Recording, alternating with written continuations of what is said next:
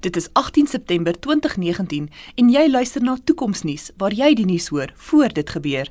Ek is Jonita Foster en hier volg vandag se hoofberig. Brasilië se grootste selfoonoperateur het vandag rekord finansiële verslae bekend gemaak. 'n Woordvoerder van die selfoonoperateur het gesê dat die resultate te danke is aan 'n besparing wat moontlik gemaak is deur verandering in hulle onderhoudmetodes. Die selfoonoperateur het 15000 basisstasies waarvan 4000 gedeel word met ander operateurs. Om instandhouding van die stasies te optimaliseer, word dit aan 'n derde party uitgekontrakteer. Die selfoonoperateur het egter baie keer probleme ondervind met foute wat begaan was deur die uitgekontrakteerde werksmag. Die nuwe onderhoudmetodes wat aan die begin van verlede jaar in werking gestel is, maak gebruik van Microsoft se HoloLens in kombinasie met vermengde realiteit om uitgekontrakteerde werkers oor 'n afstand te kan bestuur en by te staan. Dit stel hoogs opgeleide personeel in staat om te sien presies wat die instandhoudingwerker doen sodat hulle dadelik kan sien as 'n fout begaan word en ook intydse hulp kan verskaf om sodoende die tyd wat aan instandhouding spandeer word aansienlik te verminder. Die werk wat uitgevoer word, word opgeneem en gebruik om verdere instandhoudingspersoneel op te lei. Pieter Geldenhuys is saam met my in die ateljee om te verduidelik presies hoekom hierdie metode van onderhoud so revolusionêr is. Welkom Pieter. Hallo Junita. Pieter, wat is 'n basisstasie en hoekom is daar so baie en hoekom word sommige basisstasies gedeel en watse tipe onderhoud word by die basisstasies uitgerig? Junita, basisstasies is wat selfoonoperateurs gebruik om die syne uit te stuur sodat ons met ons selfone met mekaar kan gesels. So 'n basisstasie het 'n hele klomp antennes. Hierdie antennes stuur dan syne uit wat ons op ons selfone kry, maar by 'n basisstasie is daar 'n hele klomp addisionele tegnologie nodig. Ons het batterye nodig as daar 'n kragonderbreking sou wees.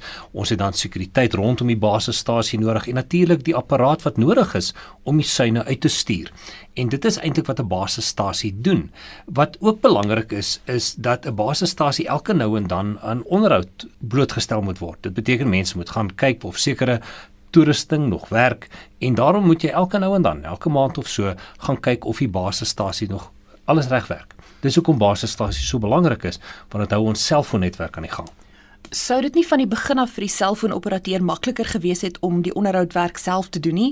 Dan kan hulle mos seker gemaak het dat slegs die korrekte opgeleide werkers die onderhoud doen. Wat ons wel begin sien is dat baie selfoonoperateurs die basisstasie onderhoud nie as kern van hulle besigheid sien nie.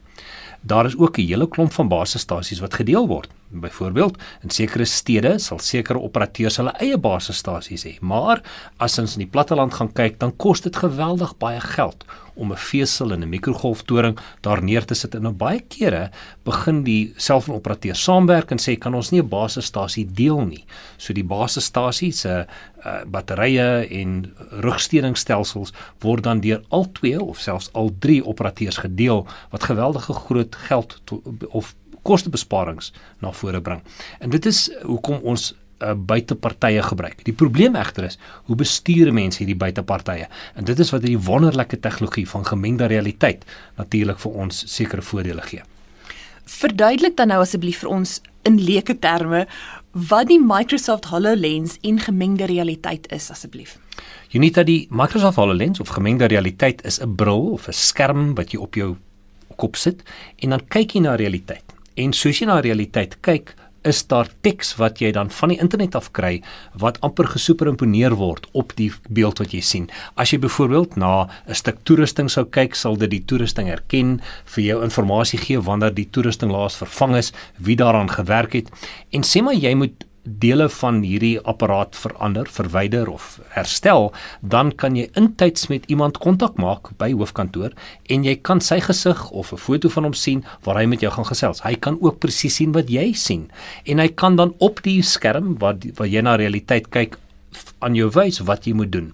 Hy kan 'n potlood gebruik of 'n pen gebruik en dan op 'n skerm teken aan sy kant om aan jou te verduidelik wat jy moet doen.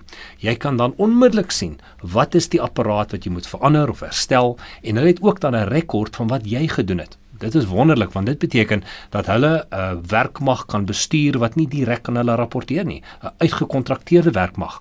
En nou kan jy iemand kry wat namens jou as 'n uitkontrakteerder optree by 'n sekere plek en jy kan alles raak sien wat hulle doen. En ook natuurlik die administrasie daaraan verbonde, wanneer hulle daar was, wat hulle gedoen het, dit vind alles outomaties plaas. Waarvoor kan hierdie HoloLens en en gemengde realiteit tegnologie nog gebruik word in besigheid en selfs om ons eie persoonlike lewens gemakliker te maak? Ons sien dat die ge gemengde realiteit geweldige groot impak het op opleiding. Jy kan byvoorbeeld dokters oplei waar jy dan ekstraal plate van iemand neem en dit dan konstrueer as 'n driedimensionele beeld voor iemand. Die ontwerp van sekere stadions, die ontwerp van toerusting, uh die uitleg van sekere aanlegte kan hierdie HoloLens mee gebruik. En natuurlik ook sport.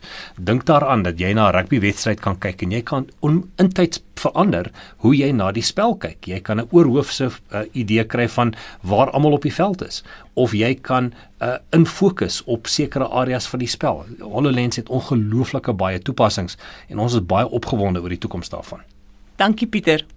Gedurende die perskonferensie waarin die selfoonoperateur se finansiële verslae bekend gemaak is, het joernaliste gevra of dit nie onverantwoordelik is van die selfoonoperateur om tegnologie aan te wend as hulle eerder meer mense kon aanstel of meer besighede kon inkontrakteer nie. Die woordvoerder van die selfoonoperateur het aangedui dat hulle groot fokus is om hulle huidige werknemers en kontrakteurs ander vaardighede aan te leer sodat hulle kan aanpas in 'n werkswêreld wat al hoe meer staat maak op tegnologie en al hoe minder op suiwer hande arbeid. Dit was Pieter Geldenhuys en Jonita Foster vir Toekomsnuus, waar ons die moontlikhede van die toekoms ondersoek. Vir meer inligting oor vandag se episode en ander tegnologieontwikkelinge, besoek gerus die Toekomsnuus Facebookblad.